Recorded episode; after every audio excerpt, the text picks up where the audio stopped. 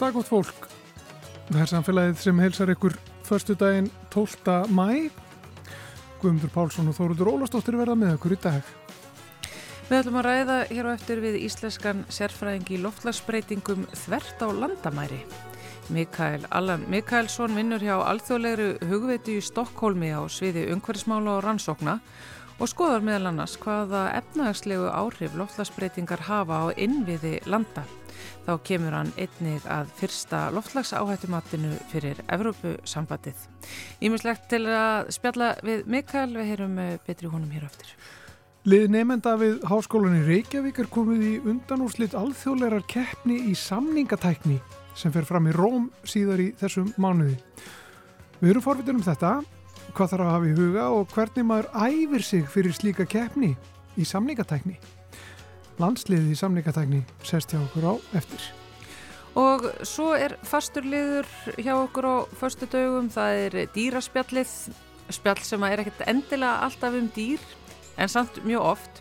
Við erum aðalega bara að fá til okkar okkar helsta náttúruvísenda fólk og uh, spyrja það spjörunum úr en það hafa þau ætið nóg fyrir stafni og afar forvinnilegt að fá að grúska eins í þau í það sem þau eru með fyrir fram að sig. Uh, það verður hér í lok þáttar en við skulum uh, byrja í Svíþjóð þar sem er íslenskur sérfræðingur í loftlagsbreytingum þert á landamæri.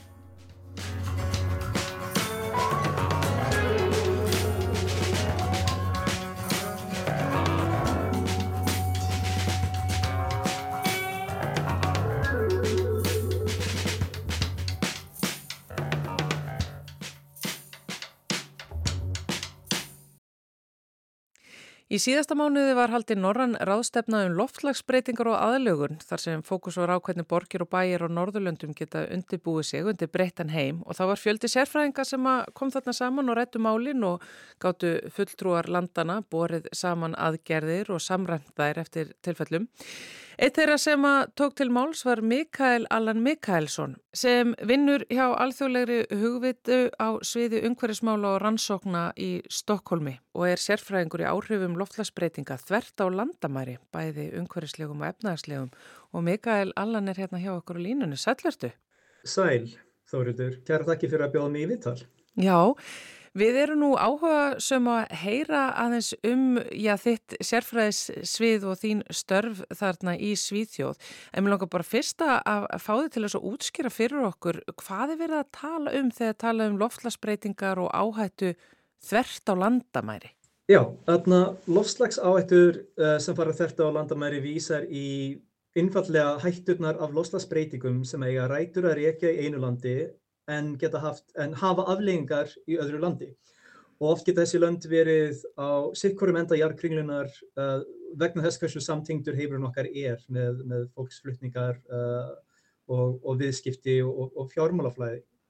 Þessar, eins og segi, þessar loslagsáðutur uh, munu til að mynda geta munu hafa gríðarlega áhrif á lönd í gegnum fólksflutningar vegna þess að næstu áratví munum við öllum líkendum sjá fram á miklu meiri flóttamannasturum frá löndum þar sem að loftasbreytingar eru og munu gera líf og lífsviðværi erfiðari og, og jafnvel í sumum tilfellum ómöguleg. Og þessi flottumannaströmmur mun vera á allt öðrum mælikvarða en í samanbyrju við það sem við höfum upplifað áður. Um, slíkar lofslagsáttur geta einnig vísa til til dæmis smittsjúkdóma sem að ferast þvert, þvert á landamæri sem munir fylgja hækkandi hitastegs og nýjum smitleiðum fyrir bæði nýja og núverandi sjúkdóma, mm. uh, til dæmis gegnum nýjum smitberum. Það eru til dæmis í Suður Evrópu eru að sjá nýja tegundur af moskítoflugum og, og öðru dýrum sem, að, að, sem hafa vanalega aðhafst í öðrum heimslutum og, og þessi dýr munu að, geta verið smitberar fyrir, fyrir sjúkdóma sem við höfum ekki haft reynsla á að takst á við. Og síðast en ekki síst, uh, þá eru líka loslags áhættur sem að varða við röskun á frambóðskeðjum sem að munu me meðal annars skila sér í herra verðalagi á matvælum og öðrum vörum, uh, skertu aðgengi að þessum vörum í, í sumum tilfellum og í raun eru líkur á því að þetta gæti haft áhrif á matvæla öryggi fyrir marga þjóðir og, en, en, en, en vissulega myndir þetta sjálfsögur bytna mest á þá sem eru efna minnstir í okkar samfélagi. Og þetta er í raun og veru sá málaflokkur sem ég hef kannski mest verið að einblýna á í mínu starfi. Sko, þýðingu þessa þá fyrir Norðurlöndin, erum við þá að tala um að, að, að við séum, ég vil þá meira verða fyrir svona efnahagslegum hamförum vegna loftlagsbreytingana heldur en kannski náttúrulegra? Sko, það er erfitt að segja til um aðstæðnar á Norðurlöndunum, hreinlega vegna þess að það hefur bara mjög nýverið verið vitundavakning hjá sérfræðingum og hjá bara ólíkum stjórnsýslum varðandi þessa tegund af loslagsáhættu. Það er mjög, það er mjög lítil greining gerð á, á, þessum, á þessari tegund af aðna, hættu. En það sem að ég get sagt er að til dæmis Evrópusambandir er búið að vera að gera mikið af greiningum á þessu sviði og, og þeir hafa verið að, að undistrykka að, að Evrópusambandið, lönd innan þess, stafar gríðaleg hætta uh, varðandi matvælaöryggi og varðandi öryggi að öðrum, öðrum vörum, til dæmis sjálfgefum málmum sem eru mjög mikilvægi fyrir bíla, upplýsingatekni og, og, og annað.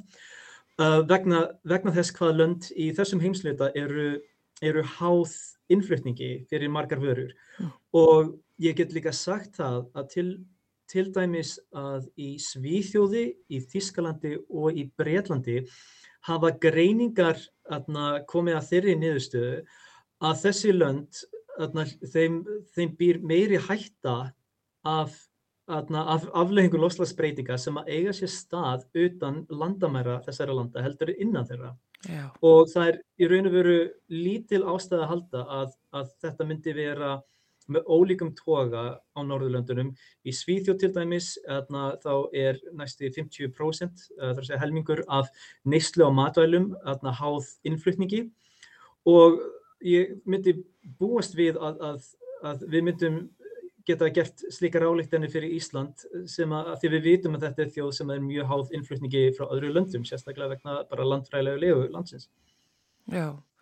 Þetta er mjög aðteglisvert og, og, og svona eitt hluti loftlagsbreytingarna sem er eh, já, erfitt kannski að hugsa um en ég held að fyrir Íslendika við getum skilið þetta bara ef við eh, snúum þessu við sko að þegar við þekkjum það að, að hafa áhrif á allan heiminn eh, með náttúruhamförum eins og til dæmis þegar varð Elgósir í Eyjafjallajökli og það hafiði víða áhrif, umhverfisleg og efnagsleg, ég meina flugfélög gátt ekki flogi, þetta hafði mikil áhrif á flugbransan, þannig að þetta er svona, þetta, þetta er svipað en bara öðru meði sem við erum að, að tala um og, og, og þar leðindu þetta gríðarlega mikilvægt Mikael að svona undirbúa sig fyrir þetta, af því að við, við stjórnum ekki áhrifunum hér innanlands algjörlega sjálf, við erum bara undir öllum heiminum komið.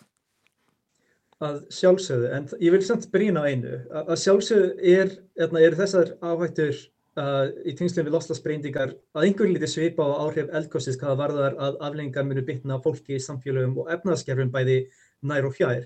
En að öðru leiti er þetta mjög ólíkt vegna þess að eldgóðsi áttu sér stað á mjög afmörkum heimsluta, eða þú veist, þetta var mjög afmörka í kringum Evrópu og, og öfna, bara svona svæðind hér í kring og, þar, og til að mynda gáttu þá flugfjölug er reynd að hagraða flugleðum með því að, veist, að því margja sniðganga áhrif elgósins hvað varandi reygin og svo framvegis. En vandin með lostasbreyndingar er að þær munu ekki eiga sér stað á aðmörkum og ákveðnum heimsluta. Til dæmis, þegar þurrkarnir síðasta sömar í Evrópu byrjuði að leiða til uppskjörubrest á mörgum landbúnaðar og matvælavörum í Evrópu voru einnig þurkar að skapa svipaðan usla á matvælaframlýslu í Bandaríkunum, til að mynda í Kaliforníu og, og í Suðvestur Asju. Og með öðrum orðin þá eru lofslagsættunar mun viðfæðmari, það eru kerfislægar og langvarandi ólíkt aðstæðum til dæmis á samanburð við, við, atna, við eldgósið eða til að mynda stríðið í Úkrænu. Mm. Þetta er eh, náttúrulega eh, bara aftur, Mikael, eh, eitthvað sem er aðkallandi að, að undirbúa sig fyrir sem að fær með mitt að, aftur að okkur. Þú ert náttúrulega að vinna í Svíþjóð og, og ég veit að Svíþjóð eins og önnur Norðurlönd hafa gripið til ákveðina greininga og, og aðgera áætlana.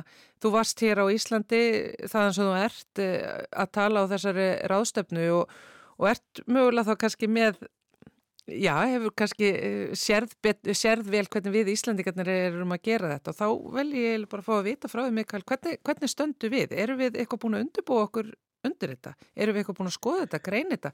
Vitu við af þessu?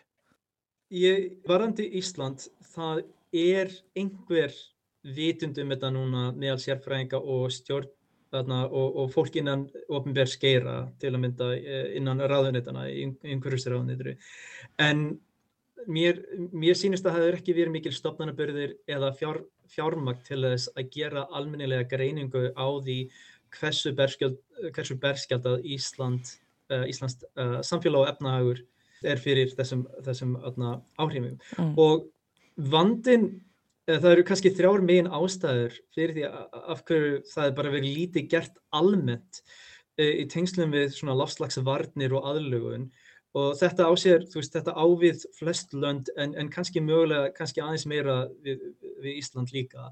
Þegar í fyrsta lagi, þú veist, eru ríkstjórnir og bara enga framtakið almennt séð út um heim ekki að takast á við lofslagsvandan af þeirri alvöru og með þeim metnaði sem krefst, sérstaklega í ljósi umfangs og alvarleika afleiðingana. Í öðru lagi myndi ég segja að lofslagsaðgerri í miklu meiri hluta uh, undanfarið ár hafa snúist að mótvæðisaðgerrum til að draga úr eða hæja á lofslagsbreytingum með því að draga úr til dæmis gróðurhúsar loftíðandum sem er rosalega mikilvægt og þetta á að sjálfsögðu vera, forgangur af því að það er sagt er að besta aðlögunin er, mót, er mótvæðisaðgerðir. En aftur á móti hefur aðlögun á lofslagsbreytingu fengið mjög litla aðtegli yfir höfuð almennt og sérstaklega líka á Íslandi og, og þar er leiti hefur þetta leitt til litla sem engar aðgerðir og þó svo að við vitum nú að við stöndum frammi fyrir alvarlegum og óaftur kræfanlegum afleggingum næstu 10-15 árin sem við munum ekki eins og geta fengið breytt á þessum tímapunkti af því að þetta er bara læst inn í, inn í kerfið. Og síðan í þriðalagi þá myndi ég segja að það hefur líka verið undanfarin ár ríkt það hugafar þegar kemur að aðlögun á lofslagsbreytingum að þetta er lítið á sem staðbyndi vandamál sem að flestu leiti mér hjá, hjá þróunarlöndum ja. eða lönda á söðurkvæli heims en ekki vest, vestræna þjóðir uh, sem, að, sem er bara vissulega bara röng, röng áleiktun. Já, já, það er náttúrulega algjörlega bara kjánaskapur að halda að þetta sé einhverstaðar út í heimi en ekki hérna hjá okkur af því að þetta kemur og bankar upp á okkur áður en við veitum af og er nú þegar byrjað að gera það. En það er líka náttúrulega sko fyrir Íslandika þú talaðir áðan um það eru alveg líka svona önnur vandamál sem að, sem að Ísland stendur mögulega frammi fyrir önnur heldur en e, hinn Norðurlöndin veist, út, út frá landvarfræðilegri legu okkar og, og það hvernig við höfum byggt upp okkar hagkerfi og þar fram til göttunum. Ég menna það eru mögulega sér íslenskar áskorunir sem við þurfum sérstaklega að skoða og getum ekki bara copy-pasta það sem svíþjóðið er að skoða og greina og undirbúa sig fyrir. Ég, ég er sammála og ég hef, þarna, þetta, þetta er einmitt svona, þessar, þessi málaflokkur krefst mikillara samstarfs, alþjóðlegs samstarfs og í þessu, í þessu samhengi þá er ég til dæmis búin að vera að vinna vinna í samstarfi við að framkvæmtastjórn Evropasambandsins við að vinna við fyrstu lofslags áhættumatinu sem að gengur út frá því að, að styðja Evropasambandsríki við þegar að hafa betri, að betra aðgengi að upplýsingum varandi lofslagsvár og líka að skapa stopnanagetunar og bara rétta stefnumótun til að takast á við þennan vandan til þess að, að styrk, byggja upp lofslagsþólið og, og hrinda af stað árangusríkar aðlöfunar aðgerðir. Og þessi vinna sem að þú ert í, eh, sko, er þetta bara algjört, er þetta í fyrsta sinn sem að við erum að gera svoleiðis í Evrópu? Svona á stígi Evrópusambandsins, já. Það hafa verið, svona, það hafa verið lofslags áhættumöt framkvæmt þarna bara svona á, bara fyrir einstakar þjóðir, þú veist, löndin sjálf hafa gert það fyrir, fyrir, fyrir sig en að þetta vandin er sá að þá er rosalega mikið að vera að skoða lofslagsváru og afleðingar þeirra innan landamærarna og það er einmitt þess vegna sem að uh, gerir þessa, þetta hérna lofslags áhættumat sem er í fyrsta sinn sem Evropasambandið framkvæmdir slíkt mm. er að það mun skoða í miklu meira magni áhrif þessara lofslags áhættur sem, sem fara þvert á landamæri. Já, þannig að þá er hægt að samræma aðgerðir á, á, á milli landa að því að við munum öll finna fyrir þessu saman. Nákvæmlega og þetta hefur mikið með að gera að geta að, þú veist, að svona greiningar og, og aðgerðið þær eru ekkert, þær eru ekkert alltaf ódýrar. Þess vegna er, er mikill hagnaður í því að, að lönd geta önni saman, sett saman fjármægt til þess að gert svona viðferðmaður í greiningar og byggt svona bara lagt ramma undan fyrir samstarfi og bara viðbrags já, bara viðbraks áallinir þegar, svo, svo við vitum hvernig við erum að bregðast þegar, þegar afleggingarnar byrja að skila sér í, í, í mun meiri mæli en við höfum verið að sjá þessi ár. En, en vissulega getum við séð að nú þegar á síðastlunum árum hafa afleggingarnar byrja að, að, að byrtingafór þeirra hafa verið skýrari og, og í meiri auknum mæli. Já, Þannig að það er eins og sagt er, enginn er eiland þegar kemur á loftlagshamförum. Frekar eh, aðkallandi starf sem að þarf að skoða þarna, Mikael, eh, þarna í Svíþjóð þar sem að þú ert að sérhafa sig í, í eh, þessum málum öllum, það að koma hérna svona hingað heim og, og skoða þetta hérna, þú talar um að, að við þurfum svolítið að fara að spýta greinlega í lófana og taka þátt í þessu og vera með og gera okkur gildandi og undirbúa okkur hér um, inn á við. Það er eitthvað aðeins farið að stað meðvitund fyrir þessu hér. Eru við, eins og til dæmis eftir þennan fund sem hann var í síðasta mánu, mánuði, kynnti hann undir fólki? Já, ég, ég bara myndi segja tvent. Í fyrsta lagi þá er það satt að Ísland er, er, bara, er frekar sein í því að bræðast við lofslagsván og, og, og að vinna með aðlögun. Að því sögðu þá er mjög mikilvæg vinna sem er nú í gangi sem, að, að, sem er undirbúningsvinna fyrir lofslagsaðlögun og áhullununa. Þannig að það er mikilvæg vinna sem er í gangi bæði innan umhverfisránitsins. Það er mikilvæg vinna í gangi sem að viðstofa Íslands hefur verið að, að leiða og, og, og, og jafnvel sko hjá sumum sveitafélögum, til dæmis Reykjavík. Þannig að það er, það er mikil gróska. Íslandikar eru seinir í þessu en það er, en, en það má líta, þú veist, þarna, björstu hliðina að það er, það er, það er mikil breyting, það er, þarna, það er mikil, mikil gerjun í gangi á, á þessum málflokki í Íslandi og ég myndi segja þessi núkar ástefna hafi verið afskaplega gagleg. Af, þessi, þessar lofslagsáttur þert á landamæri verið eitt af svona forgangsþemunum á rástefninni og þess vegna þarna, gaf þetta, vitt þetta frábært tækifæri fyrir þarna, íslenski yfirvöld og sérfræðingar til þess að ráðgast við, við sérfræðingar frá öðrum, öð, öðrum norðurlöndum á, á þessum varðandi þessa lofslagsáhættu. Mm. Eins og þig, Mikael Allan. Takk kærlega fyrir að vera í spjalli hérna hjá okkur í samfélaginu. Mikael Allan Mikalsson hjá alþjóðlegri hugvitu á sviði umhverfismála og rannsókna í Stokkólmi. Kæra þakkir.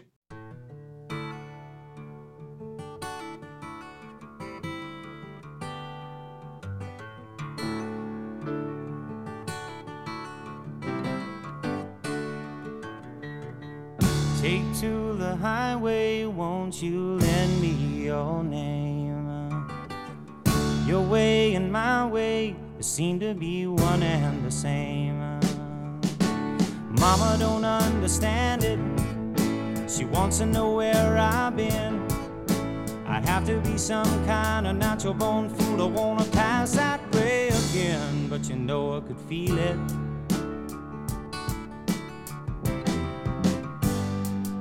A country.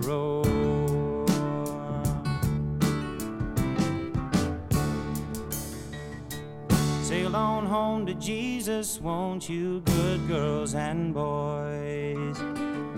I'm all in pieces, you can have your own choice. But I can hear a heavenly band full of angels, and they're coming to set me free. Don't know nothing about the wild wind, but I can tell you that it's bound to be because I could feel it, child, yeah.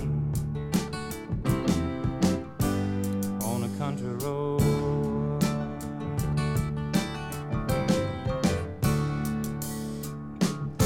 I guess my feet know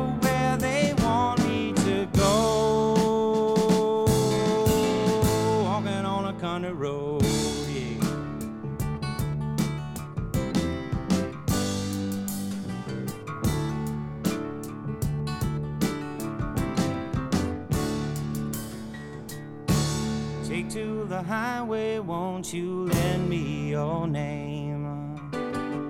Your way, and my way, seem to be one and the same child. Mama don't understand it. She wants to know where I've been. I have to be some kind of natural born fool. I wanna pass that way again, but I could feel it, Lord.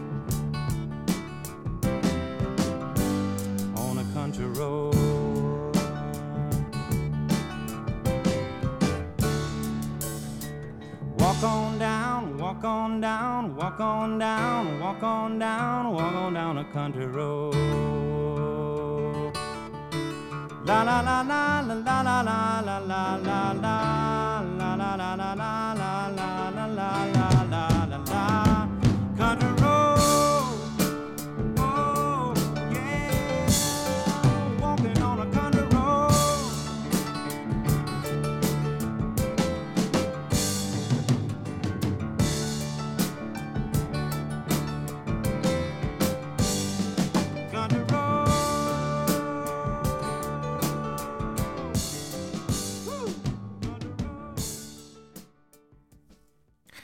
James Taylor þarna á ferð með lagið Country Road. Við ætlum að tala um samningatekni eh, næstu mínutunar hér í samfélaginu. Það er nefnilega þannig að það er keft í samningatekni og núna er það þannig að lið háskólans í Reykjavík er komið í undanúslitt í einni virtustu keppni í samningatekni á heimsvísu eins og segir í tilkynningu á VF uh, háskólans í Reykjavík.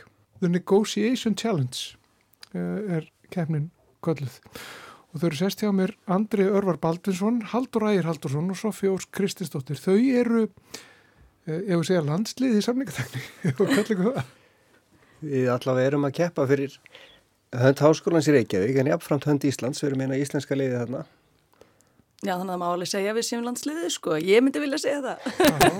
Eh, Hvað ferur þetta í sér? Hvernig, hvernig er þessi keppni? Eh, Hvernig keppni, keppir maður í samningatekni? Sko, maður eh, keppir í sjálfu sér ekki á móti þeim sem maður er að taka samningin við, sko. Heldur er maður, eh, það eru svo teimi sem að fá eh, vissa hlið á samning og þú þarfst að berjast fyrir því að fá betri samning heldur en hinn liðin sem fengur líka þann, þá, þá hlið. Þannig að eh, segjum að við séum að keppa um hérna það sem gerist eftir tró, trójustríðið uh, sem að getur verið samningur sem að maður getur verið að vinna með. Um, þá er spurning, þú veist, fegst þú helinu eða ekki? þannig að þetta, þetta getur verið svolítið surrealist sko, en þetta sér keppir þannig, þannig að við vorum í vissum riðli og við gerðum þá betur en þau, uh, en við kepptum aldrei á móti þeim. Þannig að það er ekki sko markmið að komast ekkur samkólaði svo metið einhvern veginn hvor gekk eh, sáttari frá samningaborðinu. Það er ekki hannig. Það er að vissu liti svoleið sko, en það er oft þannig að maður heldur að maður sé með slæman samning, en síðan er maður kannski bara með mjög góðan samning og maður fær ekki að vita fyrir en eftir á, eins og hann Andri heldur alltaf við séum með slæman samning og ég held Já, já. alltaf við séum með góðan samning. Og það hefur alveg hjálpað okkur hinga til að, að líða eins og maður sé ekki með góða samning í höndunum. En uh, það er líka tilfinningin sem þá mótaðaninn fær er að hann er með rosalega góðan samning í höndunum. En venjulega reynum við þetta bara að hafa þetta allt sangjart og gott sko. Og, og það er eiginlega flest allir okkar semjendur hafa gengið bara sáttir frá borðinu. Já, þú verður að passa það nefnilega að þeim líði rosalega vel, þú verður alltaf að klappa þeim rosalega mikið, að, þannig að þeim líði eins og þau hafi unnið, því að það skiptir rosalega mikið máli, þú veist, hvernig þú hegða þér við samningaborðið. Já, Mér finnst svolítið áhugavert líka þetta með að, sem Sofía saði um hann andra að hann hérna, hún er liðið alltaf eins og við værum ekki með góðan samning í höndunum, en þar kemur, þar kemur liðið inni, eða þessi liðs heild og við erum valin inn í keppnina sem lið. Og við erum með mismunandi styrkleika og mismunandi veikleika, en við sem lið erum að gera þetta mjög vel, við andri pausum upp á að halda hvorum öðrum hérna nokkurn veginn í miðjunni hann vil taka taka, ég vil oft gefa gefa. Eh, en þetta er bara svo mikilvægt í bæði svona liði og auðvitað bara í fyrirtækjum og í fjölskyldum að þetta eru þetta er allt saman lið eða teimi sem eru saman að vinna einhverju markmiði. Allir með sína mismunandi styrkleika og veikleika. Þannig að þetta virkar mjög vel hjá okkur hefur gert hingað til. Já. Eru alltaf að semja? Er, eru, eru stuðir, stuðar samninga fyrir þeirri gangi alla daga hjá, hjá flestum? Já, ég myndi nú alveg segja það sko, eftir að við byrjum að læra samningatækni í háskólanum þá akkurat uh, byrjaðum maður að sjá hversu mikið samningum maður er að búa til á hverjum degi. Uh, ég meina, ég, ég sjálfa bara tvo ketti þannig að ég veit ekki alveg hvernig það er að ég hafa tvo börn en, en ég hef hýrt að sé þannig að hérna, já, nei, ég ætla ekki að gefa það nami núna, þú fær nami á eftir. Það er alveg samningur. Mm -hmm. þannig að þetta er í mikið af hluti sem við erum að gera. Og það snýstu þetta um að ná góðum samningi fyrir alla aðela sem eru að semja. Mm og bestu þetta uh, samningamálin eru þetta þegar við erum að reyna að búa til meira virði en kannski liggur fyrir mm -hmm. og hérna og við vinnum statt og stöða að því þannig að þetta gengur alls ekki út á að taka og taka eða gefa og gefa þetta snýst um að báðir aðlar við samningsborðið gangi sáttir frá það er út á það ganga samninganir mm -hmm. ekki raunin hver tekur mest eða, mm -hmm. eða hver far minnst Það er líka oft þannig að eh, kannski skiptir þetta þig meira máli heldur mig en það skiptir, eh, eitthvað annað skiptir mig meira máli heldur en þig og þá er það að finna út hvað skiptir öllum mest máli svo allir getur lappaði burtu með stærri kuku heldur en þeir komið inn með hana. Svo er kannski í framhaldið þessu annað sem svona algengu miskilningur að eh, fólk heldur að það geti að það sé í góður stöðu að það kemur hinnum aðlanum á óvörum, kemur með einhverju upplýsingar að samningaborðinu sem hinn hefur ekki. En það er einmitt grunnurinn að góðum samningi er að báðir aðilar séu vel undirbúnir. Mm. það er eiginlega bara verra fyrir báða ef annar kemur ítla undirbúin þannig að þú ert ekki betri stöðu ef þú hefur meiri upplýsingar en hinn. E, kannski einhverjum tilfellum en, en ef þú vilt gera góðan samning og eiga gott samband áfram við þennan aðila að þá skiptir miklu máli að báðir aðilar komið vel undirbúnir þannig að hægt sé að ræða málefnin á á hérna já bara góðu nótunum og allir og að báðir aðilar geti þá reynd að búa til virði -hmm. fyrir hinn Algjörlega, ég meina það var oft sagt við okkur að sérstaklega við búum á Íslandi, þú gerir bara eitt slæman díl síðan getur ekki búið til neina aðra díla eftir það. Mm -hmm. Þú veist, þú veist, eh, það er bara eitt, þú veist, það er bara eitt samningur þar sem þú getur tekið eitthvað og, og hérna fara illa með hann. Já, nákvæmlega og þá ertu ekki að fara að gera neina samninga við neina annan eftir það, þannig að það er alveg nummer 1, 2 og 3 að ljúa aldrei og vera alltaf hreinskilin og fara vel með fólk. Algjörlega og vera bara þetta tröst og þú veist, samningar eru þannig að eh, venjulega hefur einhver eitthvað að bjóða, einhver sem að vil fá eitthvað, tveir aðal sem koma á borðinu og til að ná bestum samningu þá þetta, þarf tröst að leggja fyrir. Og maður þarf að búa það til. Og Haldur komið vel inn á það þetta, bara með góðum undirbúningi þá koma báðir jaffætis eh, að borðinu. Og svo hérna er þetta að taka þá betri ákvarðanir í kjölfarið. En, en trösti skiptir alveg gífilega miklu máli að mynda það bara strax í, og vera þá frekar gefa upplýsingar í staðin fyrir rendilega að halda þeim. Ó. Þetta er hlutað ykkar námi í, við Háskólinni Reykjavík samningatækni. Þið, fylgist þið með eins og kjara samningum og þess að það eru þið þá, hækkið þið þá í botn og og þið sé bara nei, nei, nei, nei, svona gerum maður ekki. Það er ekki að rjúka bara út og skella þessu hörðum og eru þið svolítið að fylgjast með þessu, eru þið orðið svolítið svona samninganördar? Ég, ég held að maður horfið aðeins svona öðruvísi á þetta. Jú, vissulega þá þetta veiku meira áhuga en áður og hann var nú að kenna okkur samningatekninan aðasteyt Leifsson. Maður hefur fylst meira með þessu og, og mörgum tilfellum sér maður eitthvað sem er kannski ekki rétt gert að manni finnst með það sem maður hefur lært. Og það er þá kannski þetta með virðingun og annað og, og hvernig maður haga sér við samningsborðið, maður hefur séð alveg fólk kannski missa sig en þetta er mikið undir í þessum viðræðum og Já. og tilfinningar kannski er auðvitað að hafa stjórn á þeim. Já og það er sumi tilfellum fær maður á tilfinninguna þarna, næja það far ekki á tilfinningu, það er bara verið sagt, fólk, það er ekki standi ekki allir sáttir, uh, stíði ekki allir sáttir frá borði, mm -hmm. það, það er svolítið þannig. Það var eitt uh, svona sem að aðstöð kenda okkur að ef þú horfir innan í herbergi eftir að samningar eru búnir þá getur þú séð hvort að samningunum fór vel eða ekki byggt á því hvernig, hvernig það gengi frá borðinu og stólunum. Þannig að ef að stólanir allir settir á réttan stað og allt svo leiðist þá gekk við allir satti frá borðinu en ofta sér stóluna bara langt burti frá borðinu og svo leiðis og þá því það venilega að fólk var ekki sátt. Þannig að það er rosalega góð svona leiðlis aðtuga það. Já En segjum bara eins frá keppninni. Um, þetta er, þetta er alþjóðlega keppni, er það ekki? Já. Í samleikatækni? Já, við erum nú þegar komin lengra en Harvard, þannig að það er nú alltaf gott, ekki, maður á að hérna að monta sér smá. Já. Þannig að þið eru að fara út og hvar fer keppnin fram og hvenar er, er keppnin? Hún er hérna í Róm og hún er bara núna í næstu viku. Eh, við fljúum út núna á miðugudaginn og, hérna, og keppum þar á móti hérna, liðum allstaðnaðar úr heiminum. Ég veit að Taiwan er að keppa, er ekki líka Kína og Japan. Jú, allavega, og Ítalija og Holland og... Östuríki. Og Greikland líka, Greikland ávist að vera rosalega erfitt heimi. Grískir löffræðingar, þeir komast alltaf mjög langt, hefur við hýrt. En uh, skemmtlegt við þetta að þjálfarinn okkar er, hann, hérna, hann er búin að vera set, í þessu langa tíma og var í öðru sæti á sínum tíma og hann kemur alltaf með svona skemmtilega stríðsögur um hvernig vissir skólar hægða sér og svo leiðis. Þannig að maður þarf að hafa það bak við eirað þegar maður fyrir kemnina. Og hvernig undirbúið ykkur? Hvernig búið ykkur undir að, að taka þátt í þessari? Vi, við erum búið núna að uh, taka margar æfingar síðustu mánuðina mm -hmm. með honum Þorvarði Kirúlf, þjálfvarnum mm. okkar og erum þá, fáum þá samnefnendur eða aðra, aðra fyrir um kepp, keppendur til þess að, að semja við okkur og þá fáum við sikkur að hliðina á ykkur máli og, og hérna, já, reynum að ná sem bestum samningi.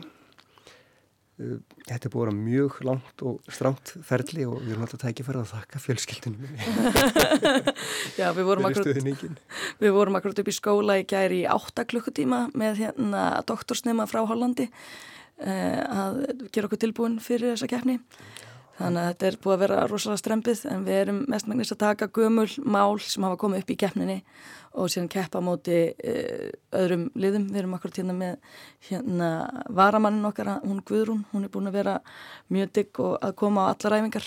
Já. Þannig að við þökkum henni líka mjög mikið fyrir Var það. Hún á bæknum? Já, hún, verður þá á bæknum. Já, en hún fara að koma með okkur til Ítali akkurat, þannig að það er mjög gott. Já, en, er, en hvaða uh, aðstæður er þetta sem geta komið upp? Hva, hvernig eru, eru uh, málinn sem, sem að koma upp í, í keppninni? sko til dæmis er eitt stað... Er þetta raunveruleg mál? Það geta verið raunveruleg mál, uh, ég meina, eða geta verið byggt á raunveruleikanum. Uh, eitt af okkar svona skemmtilegustu málum held ég myndi að segja, það voru við að uh, leika Napoleon og, hérna, og eitthvað djúk af, ég veit ekki, eitthvað, eitthvað ríki. Það náttúrulega gerðist í raunveruleikanum, sko. Um, en já, núna erum við að fara með hérna eitt mál sem að gerist í geimnum Þannig að það, það, þetta getur verið raunverulegt og getur líka verið svolítið svona uh, fantastikal. og akkurat í gemnu þá eru við sko svo hlið sem að vill meira regluverk og keppum á mótu hlið sem að vill meiri svona frjálsikju þegar að kemur að nýta auðlindir geimsins Já. og við þurfum að búa til sáttmála í kringum þetta sem að allir aðalar geta sætt sig við. Aha. Það er ákveðt að taka fram að þetta er raunverulegt mál og þessi sáttmáli er raunverulega til mm -hmm. sem okkar samningu þeirra munu byggja á. Hann er komið til ára sinna, orðið 60 ára gammal og við munum þarna vera þá að velta upp uh, hugmyndum og, og tillögum að hérna breytum sáttmála og þarna verða þá, þarna verða þá aðeilar begja vegna bórsin sem hafa, sem hafa hérna mismunandi hugmyndur um um hvernig þetta á að líti út þannig að þetta er eins, eins skrítið og það hljómar þá er þetta raunverulegur sá, sáttmæli um nýtingu auðlinda í geimnum og, og fleira já mm -hmm. þegar, þegar er hægt að taka sér svona, svona raunveruleg dæmi eins og Napoleon er mm -hmm. mættur á sæðið og, og sáttmálar um, um það sem hann má gera og má ekki gera í, í geimnum. Það kannski undirstryka það þá kannski að það að þið getið einhvern veginn já, tekið þessar aðstæðir einhvern veginn og, og leist verkefni tengt þeim undirstryka það kannski bara það að þetta snýst ekki þegar uppi staðið um fólkið sem er uh, á í hlut eða hvað stundum eins og þú nefnir Napoleon sem er nú hansi stór fígura í sögunni sko og maður ímda sér að hann hafi bara þurft að berja í borðið einu sinni og þá sko, sko varandi Napoleon keisi þá eru við bandamenn að semja Já, og þetta snýrist raun um hverju myndu setja, hver mikið að herablað er þetta að setja til að fyrir ákveðina varnir Já. þannig að báðir þurftu góða útkomu þannig að ef hann hefði barið í borðið þá hefði hann tapað Einmitt. og við höfum bara í borðið þá höfum við tapað. Já. Þannig að við þurftum að komast að samkomulagi og það sama auðvitað með geimmálið er að við þurfum að komast að samkomulagi hvað er best fyrir bara nánast mannkinnið Mhm. og, hérna, og þess vegna gerir þetta svolítið skemmtilegt. Við erum að reyna að hérna, búa til virði og reyna að gera eitthvað sem er meira en kannski án þess að kynna sér máli myndi maður myndi, mað myndi kannski ekki bara fatta það eða sjá það. Já. Þannig að þetta snýst rosalega mikið um undirbúningin og samtalið að hlusta á hvað aðrir hafa fram að færa og vinna með það. Hvernig finnum við leiðinar saman? Sér líka með svona meira hérna kreatív hérna mál eins og þessi, þú veist, þá er líka ekkert að bæta ofan á. Ég held mér þess að í hérna Napoleon hérna málinu þá höfum við ákvaða við ætlum að halda einhverja giftingu uh, og þá farið stig fyrir það að búa til svona auka, auka góða hluti. Uh, ég vil út og sérst að gefa einhverjum öðrum þessa góða hluti. Þannig að það, það eru stig í keppninu líka.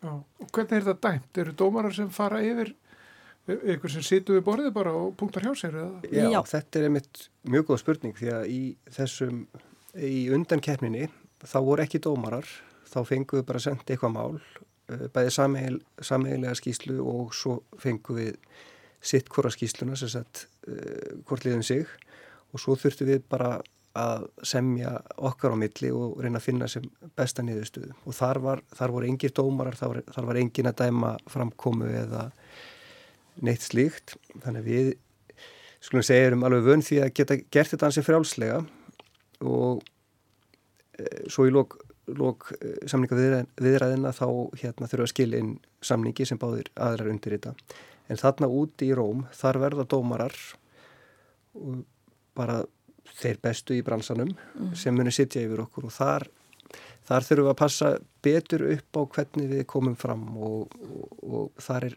dæmt rauninni ja, framkoman og dómarar eru að fylgjast með öllu, það er líkamstjáningin, það er allt, allt þetta. Þannig að þetta er svona, við þurftum að skipta svona aðeins um gýr eftir þessar undankeppni og erum núna búin að vera að leggja áherslu á hvernig við erum að gera þetta rétt fyrir framann herbergi fullt á dómurum. Þetta er alltaf svo Eurovision bara. Já, á vissan hátt. Já, það er, alveg, það er mikið af svona litlum reglum og, og leiðin til þess að fá stig eins og til dæmis ef þú fær fyrsta jáið þannig að maður svona kannski byrjar á að spurja vissar spurningar sem að veit að manneski mun segja já við og þá fær þú stig út af því að þau sögðu já mm. eh, færði Frún í líka Hamburg. Já, þetta er svolítið þannig Já, En þetta er við skemmtilegt. Eh, Þið farið út núna, hvað þetta er 18. mæ sem að, sem að kemnin við- hefst eða hvað? Við fljúum út 17. og sér byrjar þetta 18. Já. Og þið eru sem sagt uh, komin í undanúslitt í þessari keppni í samningatækni The Negotiation Challenge. Gangi ykkur vel. Uh, við bara segjum bara áfram Ísland eins og svo oft Já, þegar, þegar Íslandingar eru að keppa Erlendis. Uh, Andri Örvar Baldursson, Haldur Ægir Haldursson og Sofía Ósk Kristinsdóttir. Takk fyrir komuna. takk Samlega. fyrir Takk fyrir. Takk, takk. Og uh, við höldum áfram hér í samfélaginu, hér á eftir verður dýraspjallið, þetta er endurflutt dýraspjall við Vigdísi Freyju Helmútsdóttur Plöntu Vistfræðing, en áður en það fyrir loftið skulum við fá eins og eina málfarsmínútu.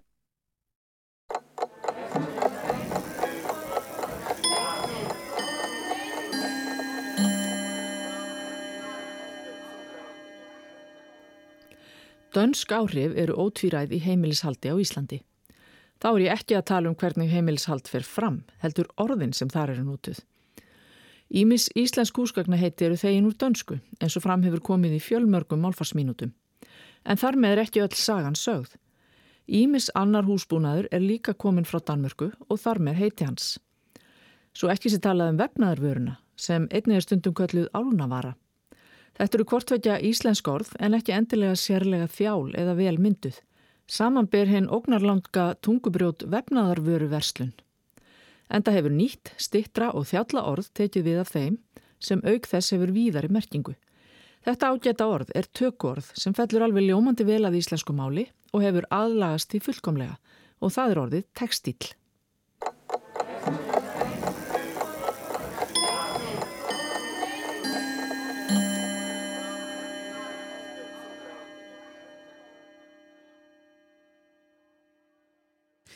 Þá er komið að dýraspjallinu hérna hjá okkur í samfélaginu. Það heitir dýraspjallið en er ekkert alltaf um dýr. Við fáum einfallega til okkar, okkar allra besta náttúruvísenda fólks og spyrjum þau spjörunum úr.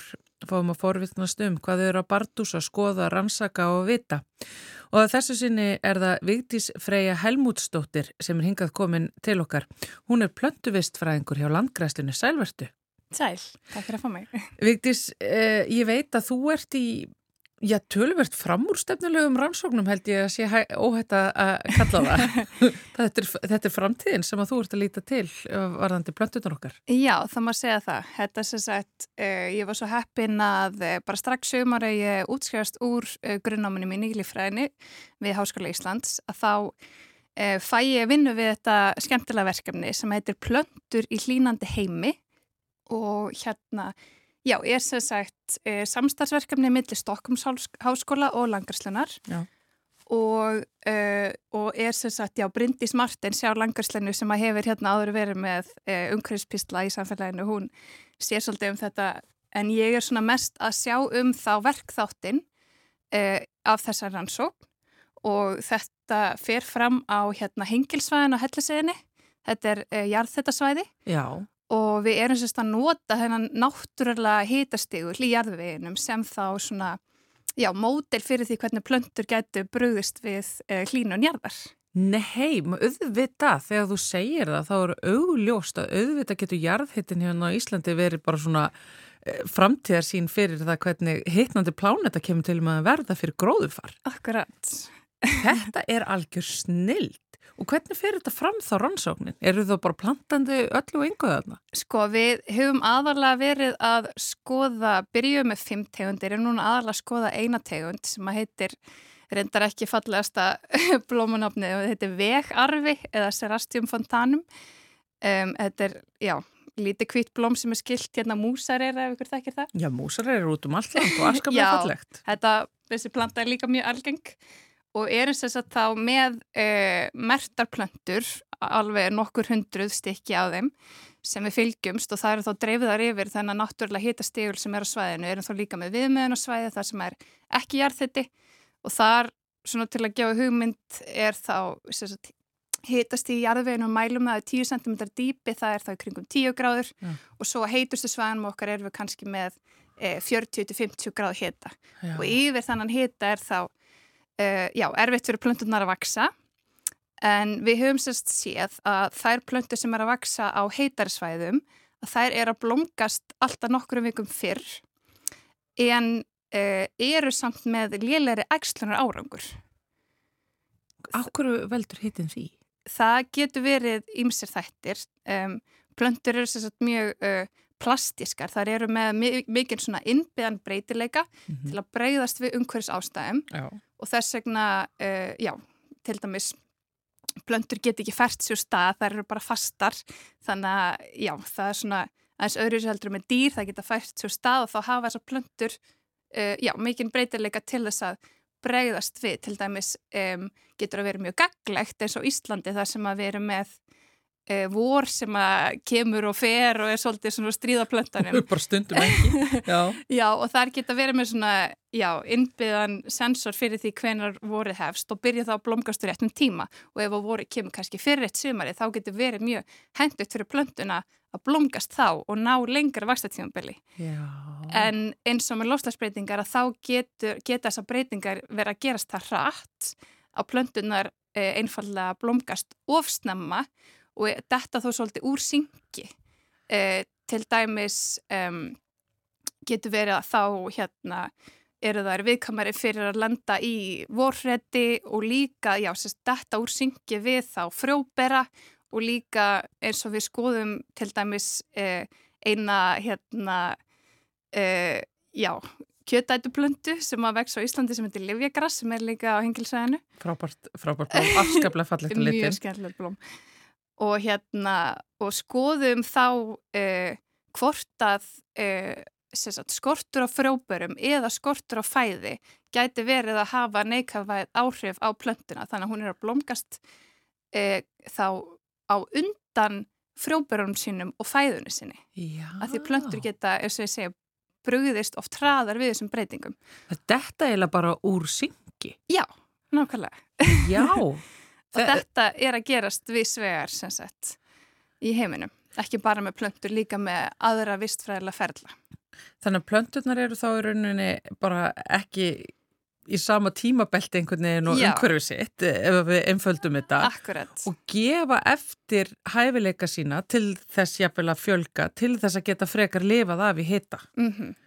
Þetta eru vantilega ekki neitt rosalega góðar frettir fyrir eh, hérna, komandi loftlagsbreytingar og hitan sem að fylgir þeim Nei, við, nei það er alveg rétt sko. við sem sagt um, skoðum þetta með því að hérna við sem sagt fenguðum auka flugur Já. og gáum hérna plöntunum að borða heilt suman voru við sem sagt ekki bara að fanga flugur, heldur líka að leika flugur að því við þurftum að frjóka plöntunar með hérna penslum, vorum að viksl frjóka á milli. Og er þetta bara eitt svona sumarverkið þjóð Já, já. Þetta er náttúrulega algjörlega grilla sumarstarf Já. að leika flugur til þess að, að, til þess að hjálpa plöntum að ægslast Já. og gefa þeim að borða. Já. Voruð þá bara með flugu á, á einhverju prjón og Já, settuð við fengum ofan í livjagrassið? sagt hérna bitmi, eða nóa bitmi á þessu sveiði og hérna voru með pinsettur og, og, og komum fyrir og, og reyndum svona leika líka eftir að þegar flugurnar lenda á, þetta er svona svona rósetta, blaðrósetta sem er svona slímug. Og þegar flugurnar lenda á að þá svona reyðast þar til og reyna að losna og við reyndum svona að leika eftir því með hérna pinsettum og reyða þar til og reyna að virkja plöntuna, ensím inn í plöntunni Gefið frá sér þetta slím sem að Já. festir þetta í? En sem sagt, það sem að kom í ljós þar var að við fundum ekki áhrif af hérna af því að gefinu auka uh, flugur, en það gæti líka vera að það séu áhrif sem að koma þá kannski frekar í ljós setna, að því Já. hún geymir næringunni sína uh, fyrir næsta sumarplantan uh, en það kom sér stiljós að þær plöntur sem að fengu auka frjókort að, að þeirra ægslun árangur á heitusvæðanum var mun betri heldur en uh, hjá plöntunum og heitusvæðanum sem að fengu ekki auka frjókort. Þannig að þá vorum við komið með vísbendingu um að þetta væri að gerast á þessu svæði að hérna að skortur á frjókornum af hjá þeim plöntum sem að eða blómgast svona snemma að þær eh, mynda þá færi fræ. Já. Þannig að þýðir það þá ekki endanum og ef að það kemur ekki til einhverja svona frjókara eins og einhver náttúruvísita fólki sem er þarna fjórum fjötum skriðandi Já. um að veist, tegundum myndið degi út eða, eða, eða fækka allir veruleginni. Já, það getur verið. Svo náttúrulega eru líka hérna, mm, annars vegar eru líka frjóbararnir sjálfur að finna fyrir þessum breytingum en það, það sem er áhugavert líka er að, uh, að því að dýr geta hreift sér stað, plöntur geta ekki. Já, já. Þannig að plöntur geta verið að finna fyrir miklu uh, meiri áhrifum bara staðbundinni hlínun. Já, já. Að því dýrin geta fært sér til, en það er of heitt, eða eins og það geta fært sig, en plöntuna geta verið að finna fyrir meiri hlínun heldur en dýr, uh, sem dæmi. já. Um, já, En virðast þá allan einhverju leiti geta þólað það en samt þó ekki án þess að gefa upp uh, töluvert mikið af eiginleikum sínum. já, Þannig að sko, rannsóknin eins og þessi eh, er, þú veist, af því að veist, maður hugsa um hverasvæði þetta er svo galið en veist, það sem er að gerast í einhverju svona heitum jarðvegi, þetta getur ekki verið neinstæðar í heiminum en það er málið er það ekki veitis að, að jarðvegurinn er að hitna svona út um allan heim og, veist, og, og í heitara löndum heldur en okkur og þá er þetta bara orði veruleiki, þarf ekki hverasvæði eins og hengilsvæði til. nei, akkurat. Við, þetta er náttúrulega bara mótel, þetta er náttúrulega svolítið öfgakent mótel, þetta er þetta svæði, en jú, þetta er að gerast á einhverjum skala. Það er mikið náttúrulega í þessum svona eðimerkur hérna landslægi og þar þar er bara, var nú heitt fyrir en, en þar er mitt gerist þetta Mm og þar eru öfgarnar svo rosalegar.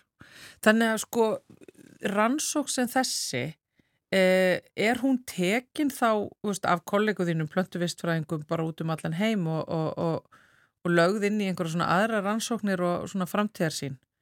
Já, ég, hérna, þetta eru náttúrulega, það eru komnar út nokkar greinar sem að tengjast e, þessari rannsókn, en það eru allar ennþá tiltölulega nýjar, þannig að, já, ég veit ekki til þess að það sé, hérna, já, mikið búið að vera það, en það er alveg búið að vera í gangi. Mm. Mm -hmm. og, og verður þetta, sko að þegar þið eru þarna með þá bæði lifjagrassið og, og, og þarna vegarvan sem er eh, hérna, kannski minna þekktar útgáfa músarerunum eins og þið segir eh, veist, er, þarf ekki að gera þetta samt á fleiri tegundum eða eru þessar plöntutegundir tvær einhvern veginn þess eðlis að þær gefa svona vísbendingar fyrir alla aðra félaga sína? Sko já, það er náttúrulega er stundum erfitt þegar maður er að framkoma rannsóknir að sko við byrjum eins og segja með fimm tegundir mm.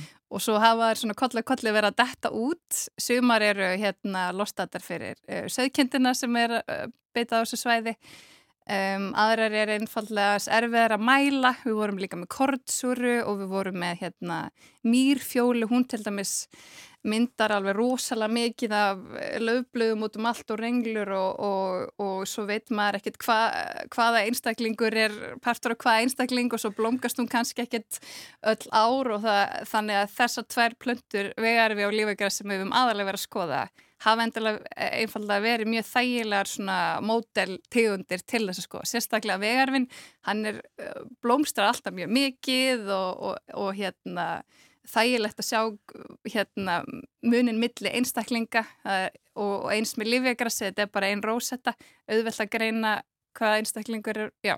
Já. Já, þannig að það er svona, já, það er svona pínu tilvílan kent líka hvernig þetta endaði, sko. Og, já, og þetta eru tvær plundur sem að geta vaksið við svona heitt hittasteg. Það er náttúrulega margar sem geta það bara alls ekki. Já, já. Það, og það eru bara það afskrifað strax. En hvernig verður þetta, ef mér ert að fara að vera að leika uh, bitmi fyrir flugur uh, og flugur fyrir plöntur aftur á hengilsvæðinu eða er þetta áframhaldandi rannsók? Þetta er áframhaldandi rannsók við erum ekki að fara að leika flugur í sumar en hérna, verkefni heldur áfram og er alltaf að fá fleiri styrki þannig að þetta er mjög spennandi Já, mm -hmm. og er þetta þá kannski eitthvað sem er nýfarið að gera að nýta hverasvæðin háheitasvæðinu nokkar Íslandika í svona framtíðarsýns hérna, rannsóknir í heitnandi heimi? Sko, við erum ekki fyrst í hópurinn sem að gera rannsóknir á þessu svæði. Það eru fleiri hópar, meiri segja að hafa komið hérna erlendi vísendamenn á hengilsvæðið að gera sína rannsóknir. Uh, auk þess sem að það er verið að skoða líka áhrif, sérstaklega því það eru svona heitir lækir þannig að vera að skoða hryggleysingja og fiska. Þannig að þetta er eiginlega búið að vera svolítið svona hotspot þarna, svona, já, pun intended, hérna á þessu svæði fyrir svona rannsóknir. Já. Þannig að þetta er mjög skemmtlegt. Já. já. Það að sinna svona rannsóknum, um, sjá daldið bara í gegnum rannsóknum þínar hvernig hérna, umhverfið okkar og náttúru kemur til með að reyða af e, í því sem að koma skal. Þú veist, þú ert ungvísendakona. Er þetta... Er þetta, já ég veit ekki, hvaða tilfinningar hrærast er innan með þér? Er þetta, þetta ókvænleg framtíð sem að þú horfir fram á eina þinnan fræðagreinar, plantnana, eða er, er þetta spennandi? Hvernig, hvernig, hvernig lýsir þetta sér? Já, þetta er mjög góð spurning. Ég myndi segja bæði og að einhverju leiti þá um, er maður svo vanur uh, því að heyra neikvæðar fréttir þegar kemur að lofslagsbreytingum og hérna hruni visskerfa og allt þetta. Maður er eiginlega orðin smá svona ónæmur fyrir því en maður samt hérna er samt líka fullur drivkrafti á að reyna að gera eitthvað gott. Um, þannig að þetta er svolítið svona stundum einn daginn þá er maður bjart síðan og annan daginn ekki en það er svolítið fyndið að eiginlega já, flestar svona rannsóknir og, og mikið af þeirri lífræði sem stundi í dag um, er uh, í rauninni vegna uh, já, loftslagsbreytinga, hruniviskerjar, svurnusjáar, allt þetta, við erum alltaf, við erum að bara hrópa svolítið vísindarsamfélagi. Við erum, þú veist, í gamla þetta að þá fór fólk bara út í skó og bara skrifaði niður það sem að, þú veist, það sem þau sáu og bara einfallega því að þeim þótti áhugavert. En núna líðum við svolítið og lífræðingar sé ekki bara í þessu vegna að hafa brennandi áhugaði sem við hefum náttúrulega, en við erum líka að bara hrópa á hjálp svolítið því miður. Já. Vigdís Freyja Helmúsdóttir, plöntuvistfræðingur hjá Landgræslunni. Takk kærlega fyrir að koma hinga til okkur í samfélagið. Takk fyrir mig. Þetta var endur hlut dýraspjall hér hjá okkur í samfélaginu. Fór ekki mikið fyrir dýrum? Ja, plöntur eru náttúrulega líka ákveð, ákveðna líferur. Plöntur og önnu dýr. Minni dýr náttúrulega. Já, já, þetta er, eh, þetta er eh, dýraspjalli í víðasta skilningu. Já, það er mitt. En uh, í öllum skilningi þá er þætti dagsins lokið. Já, í dag. Það er bara svo les og þessa vikuna. Já. En uh, við ætlum nú bara að ganga hér út í góðaverið í höfuborginni. Hugsa okkar gang og snúa aftur á mánudaginn og uh, setjast niður hér í stúdíu nr. 6 nákvæmlega á slæginu klukkan 1 Guðmundur Pálsson og Þóriður Ólustóttir, þakka fyrir sig. Verðið sæl